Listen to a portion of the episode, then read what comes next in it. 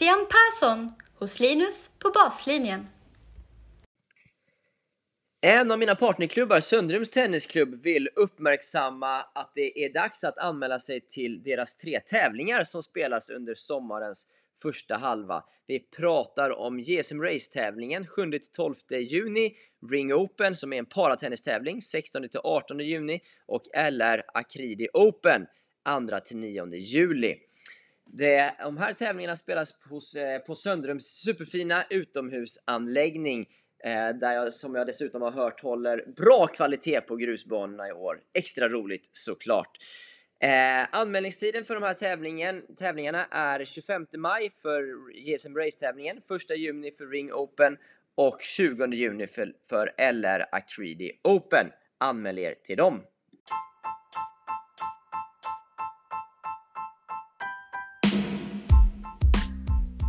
Efter några veckors uppehåll är vi nu tillbaka med säsong 2 av Vetenskapsrummet ihop med Christian Persson. Vi kommer nu åter att sätta tänderna i ett antal olika ämnen och områden som är, eh, ja, enligt oss viktiga för tränare, spelare, eh, föräldrar med flera att känna till och ha kunskap om. Precis som i den första säsongen så är tanken att eh, diskussionerna som förs här ska kunna kopplas till studier och vetenskap snarare än eh, att vi ska framföra, jag och Christian, för mycket personliga åsikter. Även om det såklart slinker in en och annan ibland. Christian Persson är klubbchef på Ullevi Tennisklubb, föreläsare och en av författarna till bland annat boken Skapa Talang. I det här första avsnittet av säsong eh, 2 eh, så blickar vi tillbaka på den första säsongens sex olika ämnen som vi diskuterade.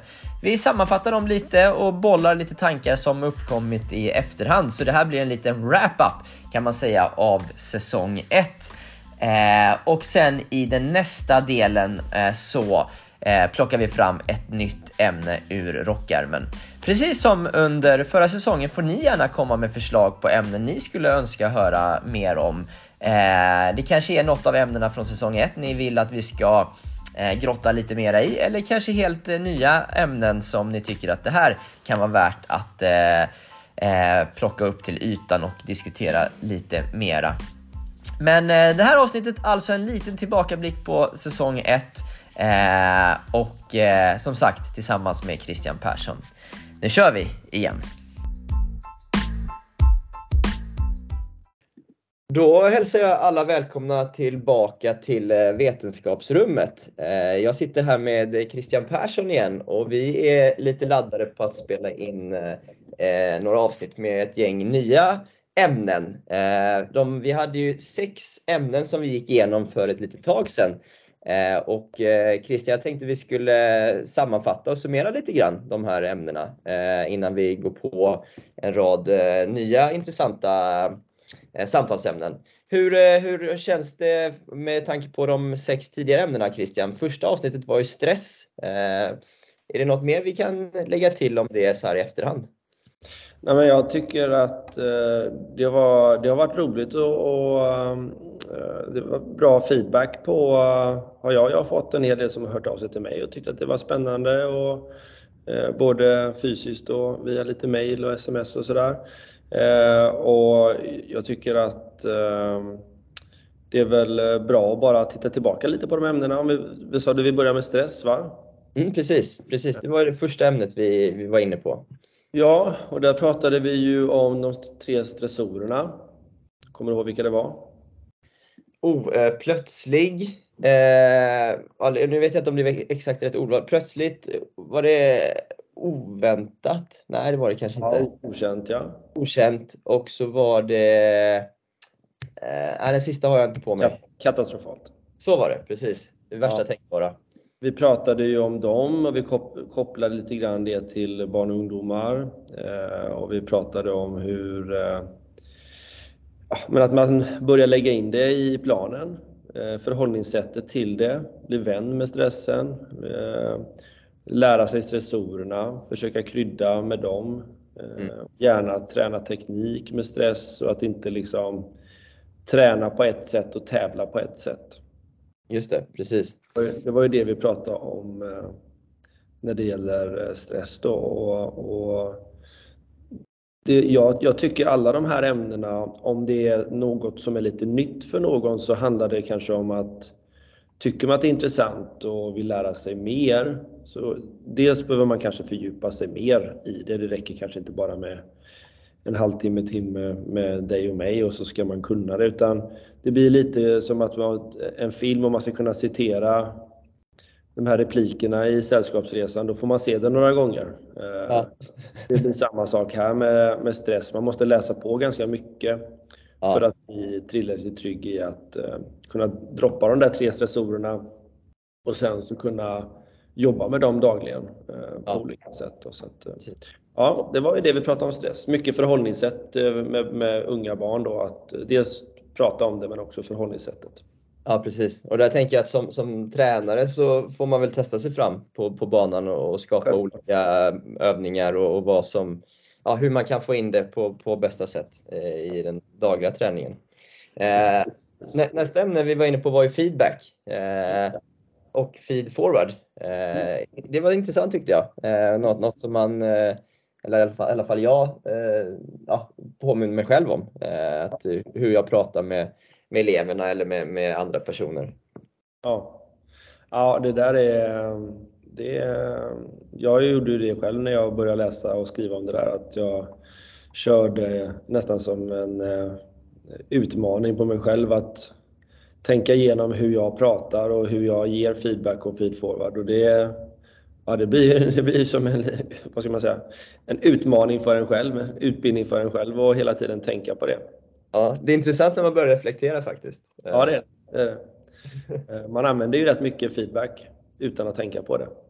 Eh, och börjar, man, eh, börjar man titta runt på sina kollegor och föräldrar och även på spelare när man står och har en genomgång så feedbackar ju de en själv också. Men det finns mycket att jobba med där och det är väl fortsatt så att det inte är merparten av all feedback är väl kanske inte feedforward. Om vi, det vi pratade om var ju både feedback och, och feedforward. Och vad ska man ta med sig där av feedback kan ju vara bra om det är rätt, sa vi. Ja, precis. Eh, att, att det per automatik, bara för att man ger feedback, alltså ju mer feedback behöver inte innebära att det blir bättre, utan att det är rätt typ av feedback, att det riktas mot mot rätt saker och att det inte är för många saker pratar vi också om. Vi pratar väl om det här med en till tre fokuspunkter under en puls på 125 tror jag det är. Eh, så att det inte blir för mycket, eh, förlåt över 125, eh, att det inte blir för mycket att tänka på. Så mm. mängd feedback, tajmingen för feedback mm. pratar vi om och så pratar vi om feedforward som var mer framåtblickande. Mm. Eh, om man tar slalomåket så har du åkt ett första åk här nu, så är din tränare. Feedback handlar ju om det första åket och feedforward handlar ju mer om det andra åket. Mm. Du, gav väl ett, du gav väl ett exempel om eh, när man kör bil, va? framrutan och, och backspegeln? Ja, just det. Ja, det... Och, och, där tror jag, om man går till mig själv, att man kanske pratar lite för mycket om det som har varit ibland. Att det är lätt att eh, kommentera det som precis hände. Mm att man, man kanske ibland, eller i alla fall jag, kanske ska kolla, prata lite mer om, om feed forward. Men det är ju jag själv som i min reflektion. Ja, ja. Nej, men eh, det som är skillnaden också är ju eh, hur du involverar spelaren eh, i, i liksom feedbacken eller feedforwarden. Det blir ju mer om du ställer frågor och jobbar mot målbilden så blir det ju också mer engagemang från den som ska, du ska jobba tillsammans med. Mm. Så, det. Och det är väl samma, jag ser lite grann feedback och feed forward på samma sätt som jag ser motivation. Att det är klart inte vi ska ta bort yttre motivation, men vi ska jobba med mer inre motivation. Mm, mm. Samma sak, vi ska inte ta bort feedbacken, men vi kanske ska göra den lite mindre och så öka på med feed forward. Ja, ja. där kanske alla är olika, men, men det är ju så, så ja, ja, min uppfattning själv i alla fall. Eh, men det, det, det har vi ju sagt med alla de här ämnena att det här är ju inte så att man måste göra så här. Det är ju bara eh, vad liksom forskningen eh, har kommit fram till och sen så får man ju gärna eh, göra saker som man själv tycker om också. Men det vi sa i det allra första avsnittet var ju mer förhållningssättet till forskning och vetenskap och, liksom, och, och, att man kanske måste ha med det också. Man kan inte bara gå på känsla. Nej, nej precis. precis. det med läkemedel och behandlingsmetoder. Och inom vissa domäner eller områden, då är det ju ganska naturligt att man väljer det som verkligen, man verkligen vet fungerar. Ja, ja såklart. Ja, eh, det tredje ämnet vi pratade om var deliberate practice. Just det, metodik ja. Mm. Mm, eh, också ett, ett, intressant ämne eh, som eh, jag tror eh, man, eller i alla fall jag kunde ta med mig lite ifrån eh, och som är superviktigt ju. Eh, vad har du tänkt kring det i efterhand? Jag, jag, jag tänker väl hela tiden på de här grejerna. Jag tycker de tumlas runt i huvudet. nej, men det är ju viktigt med val av metodik och att man vet vad man vill och vet vad man gör. Mm. Jag personligen har ju mycket tv-spelen som förebild och där är det ju mycket spelet som lär ut de olika bitarna. Eh, inte så mycket att man eh, bryter loss en grej och tränar på den utan man tränar ju på väldigt många saker i spelet. Spelet är liksom uppbyggt att du ska utveckla din kompetens genom nivåer, level 1, level 2, level 3 med svårighetsgrader och där man sätts i situationer där man måste kunna hantera vissa saker. Mm. Eh, så jag, jag, tänker ju att det är framtiden, att vi, eh, att vi behöver gå åt det hållet eh, framöver inom idrotten. Att mindre en tränare som står och förklarar och, och jobbar med detaljer och mer, mer mm. liksom få med helheten. Mm. Men, men båda två behövs ju och ska man nå hela vägen som en tävlingsspelare så behövs det ju verkligen deliberate practice, stenhård eh, liksom deliberate practice. Det är tufft och, och jobbigt och utmanande på ett helt annat sätt än deliberate play eller bara play då. Ja, ja. Det var, det var här någonstans när, när vi hade gjort eh, stress, feedback, kommer in på deliberate practice. Det är här någonstans jag kände att det började bli väldigt svårt att vara tränare. Eller ja, ja. ännu svårare än vad jag tänkt innan när man började tänka på hur får man in allting det här och är det deliberate och hur ska man formera det här? Och, ja, det, ju, det tar ju verkligen, man måste ju verkligen förbereda sig och, och det tar ju tid att lära sig att eh, få med så mycket som möjligt i den dagliga miljön. Eh, det är ju inte lätt, eh, började jag känna ungefär här, minns jag, när vi hade pratat om det här. Nej, men det är väl eh, det är ju tränarens eh, resa ser ut som eh, vad som helst egentligen. Om du tänker dig en, någon som är duktig på att göra musik eller att bli en idrottsstjärna, bli tennisproffs. Det är ju hyfsat lätt att ta sig upp på regional nivå som tränare. Att bli, mm. Men vill, har man ambitioner om att, att vara med och skapa spelare som kan nå utanför Sveriges gränser och, och liksom Eh, bidra till det, då, då, krävs det ju hårt jobb eh, och, och, det krävs ju att man lägger tid på sin egen utveckling. Det är inte bara det att man kan stå på banan och det är väl eh, jag gillar ju att ifrågasätta saker. Jag tycker det, det behövs eh, för att få lite framåtrörelse. Men jag tycker ofta när man kommer ut på tävlingar så det som det pratas mest om är så här, ah, hur mycket står du på banan nu? Eh, jag ser ju att man kan bidra till utveckling på fler sätt än att bara stå på banan. Sen är ju banan jätte, jätteviktigt såklart att man står mm. sina 25-30 timmar där är ju såklart jätteviktigt men, men eh, det är ju vad man gör på timmarna också. Man kan, ju, man kan göra bra saker och man kan ju göra fantastiska saker. Och man kan ju bidra till, till svensk tennis genom att dela med sig som du gör. Det, det, menar, det här är ju superviktigt för tränarens utveckling. Mm. Man kan bidra på, genom att utbilda föräldrar och ja, man kan bidra på olika sätt där.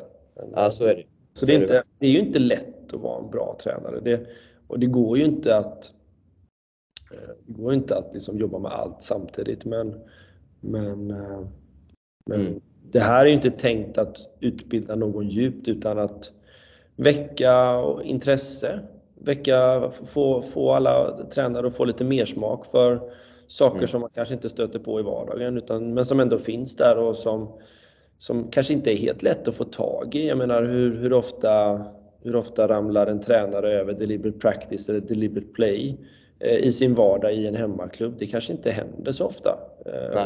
Det, jag, vet inte, jag har inte sett förbundets nya utbildning men, men de, de har ju säkert med allt detta men, men eh, jag menar, det har inte funnits eh, tidigare. Men nu finns det väl i, liksom, nu kommer väl alla att utbildas i de här bitarna i Svenska Tennisförbundet. Men det har inte, jag, har inte, jag har inte gått de utbildningarna än i alla fall. Men, men eh, det behövs ju. Ja, förhoppningsvis. Eh, sen var vi inne på motivation Christian. Eh, ja. så, eh, olika typer av motivation där. också ett ehm, Ja, alla ämnen är ju viktiga såklart. Eh, men vi pratar lite om olika typer av motivation. Inre motivation, yttre motivation. Eh, och så var vi inne och touchade lite på eh, ja, men saker vi kanske kommer prata om framöver också. Men ja, motivationen är ju ständigt närvarande på olika sätt. Precis, precis. Och där pratade vi ju om ja, men vi pratar ju om eh, yttre, vi, vi, vi pratar inte så mycket om ah, motivation, alltså att inte ha någon motivation alls, utan vi, vi valde att prata om yttre och inre. Mm. Och vi kör ju mycket på linjaler i det här, de här samtalsämnena, eller så här, vi försöker titta lite åt ena hållet, så hade vi yttre med piska morot. Ja, Sen successivt så kunde man liksom hitta olika typer av inre motivation och på på helt andra kanten där så hade vi ju ren inre motivation, SDT, Self Determination Theory. Eh, och då var det ju, vilka nycklar var det nu då? Det är ju alltid tre nycklar på den vänster. Eh, och, eh, självbestämmande. Eh, självbestämmande och, teorin är det ju ja, ja precis. precis. Autonomi, eh, samhörighet och kompetens. Samhörighet och kompetens. Vad sa du att den första var? Autonomi. Så var det. Så var det.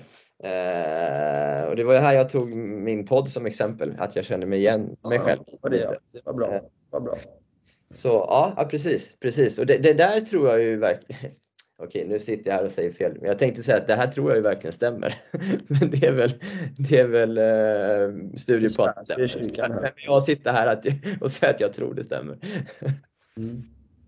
uh, ja, men det är intressant i alla fall. Och där, där kan man ju också reflektera själv, liksom att Eh, vad, vad går man själv igång på? Finns de här tre för, för spelarna eller de man, eh, man jobbar ihop med?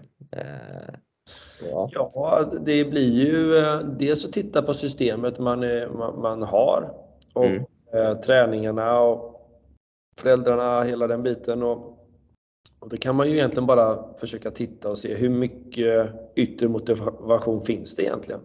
Mm. Piska morot. Alltså är det, är det det som drivs? Är det det, är det, är det det medlet vi försöker använda för att driva utvecklingen? Mm.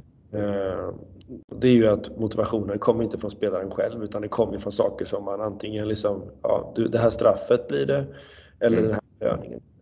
Eh, mm. Sen inre motivation, det handlar ju om att det är ett helt, ett helt annat sätt att, att arbeta. Det är ju att involvera spelaren. På ett, alltså, vilka mål har du? Och hur, liksom, det, mm. det, är ett helt annat sätt att jobba.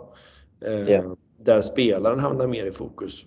Det, det, det tar kanske längre tid eh, ibland att, att komma fram på det viset men samtidigt så blir det ju en en, en, eh, en starkare, på längre sikt blir det ju liksom en mycket starkare drivkraft. Eh, eller det vet jag inte om jag kan säga i och för sig för att du kan ju liksom piska på hela livet. Men, men eh, det man har sett i alla fall var ju att de som drivs väldigt mycket av yttre motivation, när de har nått sina mål så slutar de ju oftast om man har målet att nå en medalj i OS. Så när man har uppnått det, då är man liksom färdig.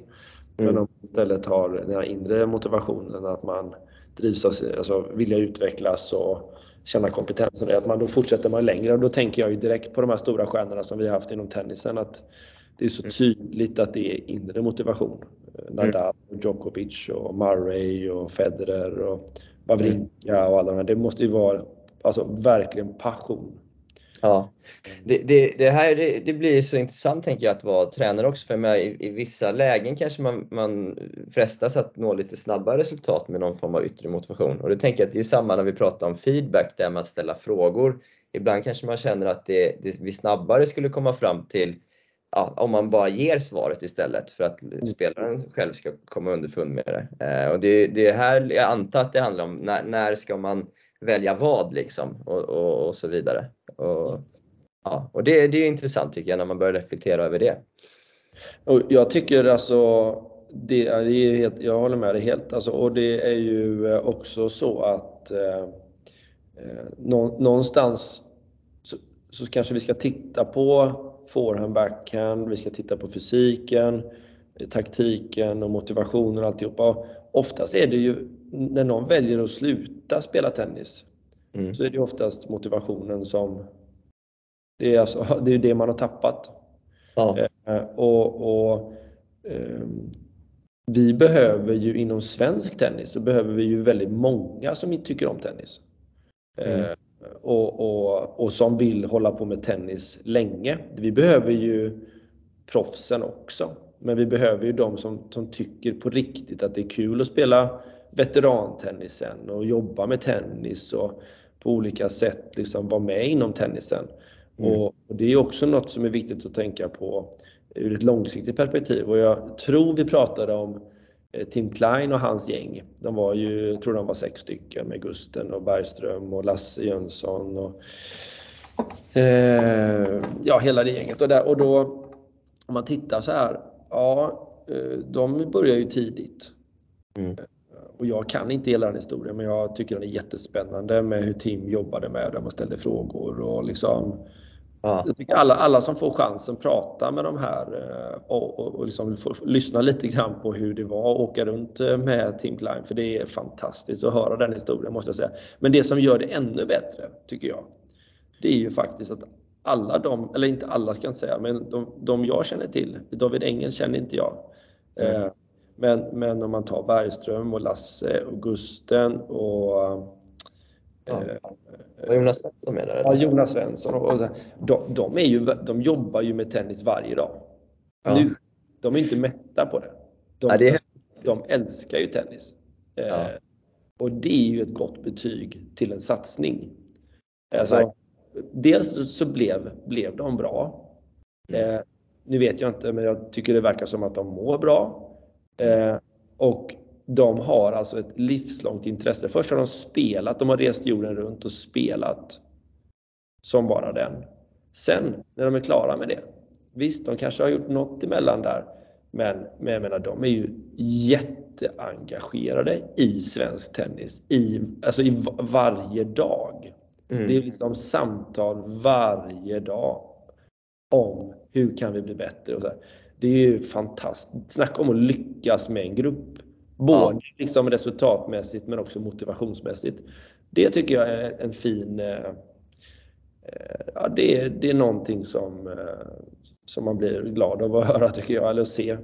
Ja, ja, det är coolt faktiskt. Det, det håller jag med om. Det håller jag med om. Eh, Adam, ja, Gusten har ju, ja, fler, alla har ju pratat gott om det, men Gusten har ju i några avsnitt med mig tidigare nämnt det här lite grann. Men man kanske ska gå på djupet ännu mer med hur det är. Ja, det tycker jag du ska göra. Jag tycker du ska göra det. Det är ju så kul och vi har ju skrivit lite om det i vår bok där. Jag skrattar när jag läser den, alltså det är så. Ja, ja. Häftigt, det är häftigt. Eh, sen Christian var vi inne på matchlik träning också. Just. Eh, och det var inte, det var inte helt lätt kände jag ibland. Eh, just, just det. Men det, jag själv tänkte, tänker att det är lätt att jag kopplar det till att man spelar bara GM-spel. Eh, men, men, det var ju lite mer komplext än så. Mm. Ja, inte så, det är ju inte så komplext egentligen utan det är ju det är bara hur, eh, hur, man, eh, hur man använder de orden och det, att det liksom är matchträning, att, eh, att det skulle vara det som är matchlikt. Och det är klart att alltså, matchträning är ju matchlikt. Men man kan ju göra annan typ av träning matchlikt också. Vi pratade lite om det här med triggerrespons och att triggers och respons måste vara matchlika så man känner igen sig. Mm. Så man automatiserar rätt, rätt saker helt enkelt så att de stämmer överens. Eh, mm. Speluppfattning eh, är ju en bit och sen olika taktiska mönster är ju en annan bit. Det går ju så snabbt när du spelar när du är 16 plus. Du måste, du måste ha gjort rätt grejer för att det ska liksom kicka igång. Har du inte automatiserat ett korrekt splitstep till exempel, det blir rätt jobbigt att, att returnera serva som är plus 200 km i timmen. Du har ju mm. typ 0,7-0,8 sekunder på dig.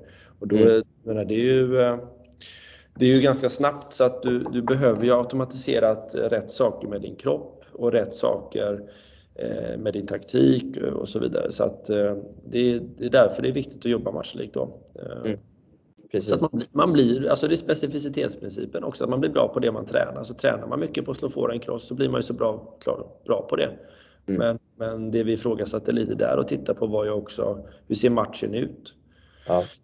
Eh, vi pratar väl om fysiska kraven, att vi inte riktigt faktiskt vet eh, exakt de fysiska kraven. Eh, vi, vi tror att vi vet, men vi vet inte exakt. Vi, vi, vi har ju siffror på, på hur bollarna är, hur långa de är och så vidare. Men där, där i alla fall, och det, får, det blir väl så lite, en del kan ju ta det personligt då, men jag upplever att man ligger och tränar eh, dueller som inte är så vanligt förekommande i match. Man tränar plus 30 sekunder. Eh, men, men de vanligaste är under 30 sekunder eller inte ens så långa. Eh, som sagt, det är upp till var och en att välja hur man vill träna men, men, eh, men, men ska det bli riktigt bra på match så måste det vara mm. i närheten eller ja, egentligen vill vi ju ha train hard, fight easy. Det är ju målet. Det är ju att vi, vi tränar liksom tuffare så att matchen känns, ja men det här är ju inga problem, det här har jag gjort förut.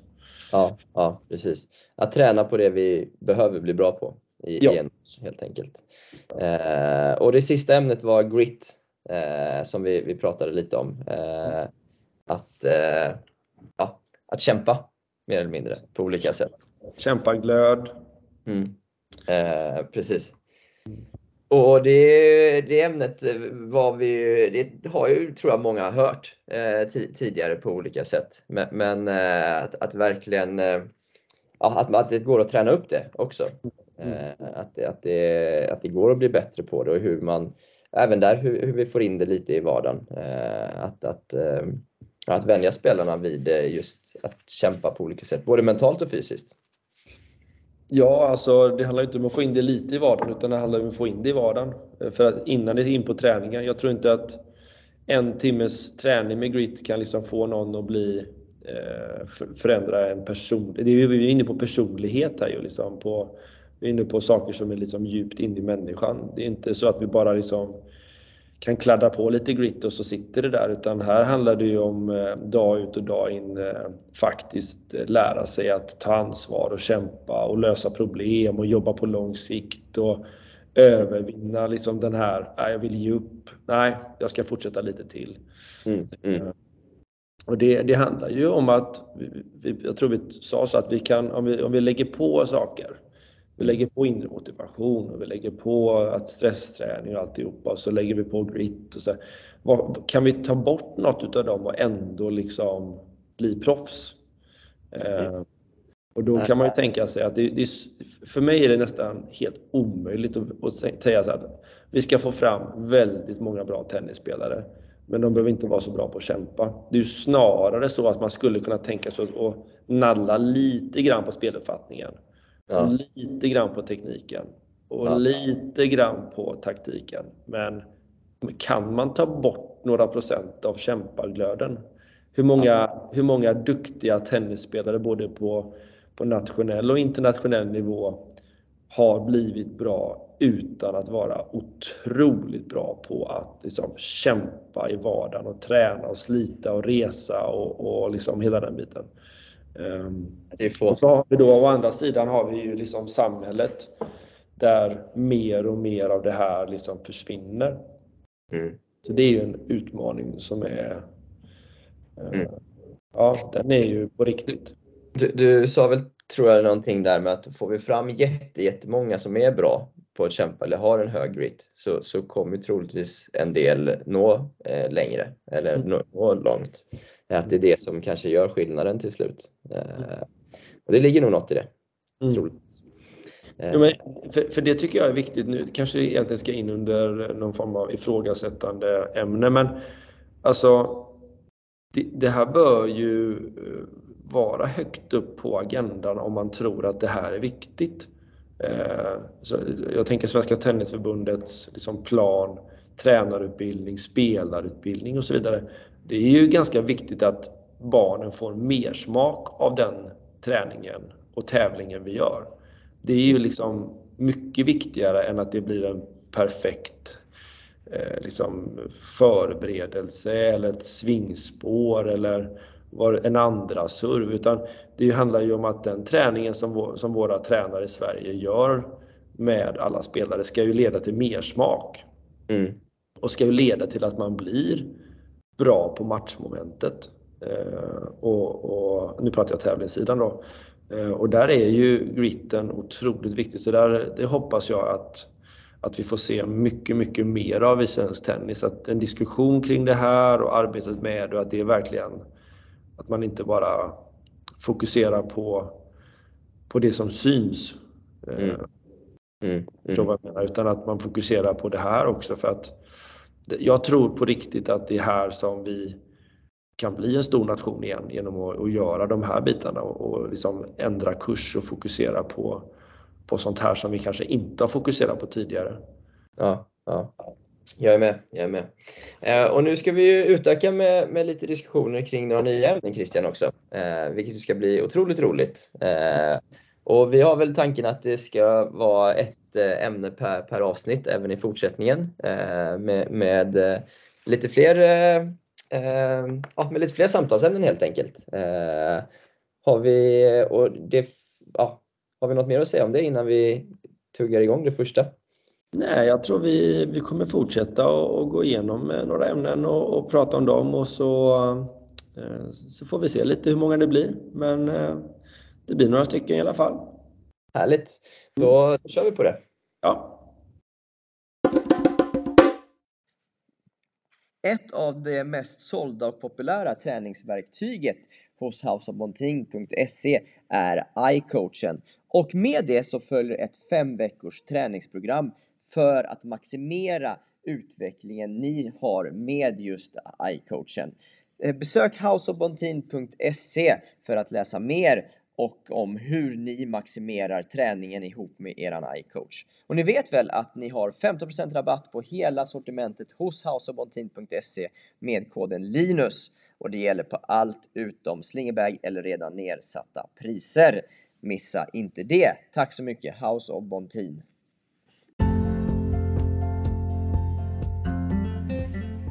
Finns såklart hur mycket som helst man skulle kunna plocka fram från de här sex olika ämnena av säsong 1. Men det där var några korta tankar från mig och Christian. Och eh, som sagt, nästa del så kommer ett nytt ämne som vi kommer att eh, diskutera och prata om. Häng med då, det kommer bli superintressant.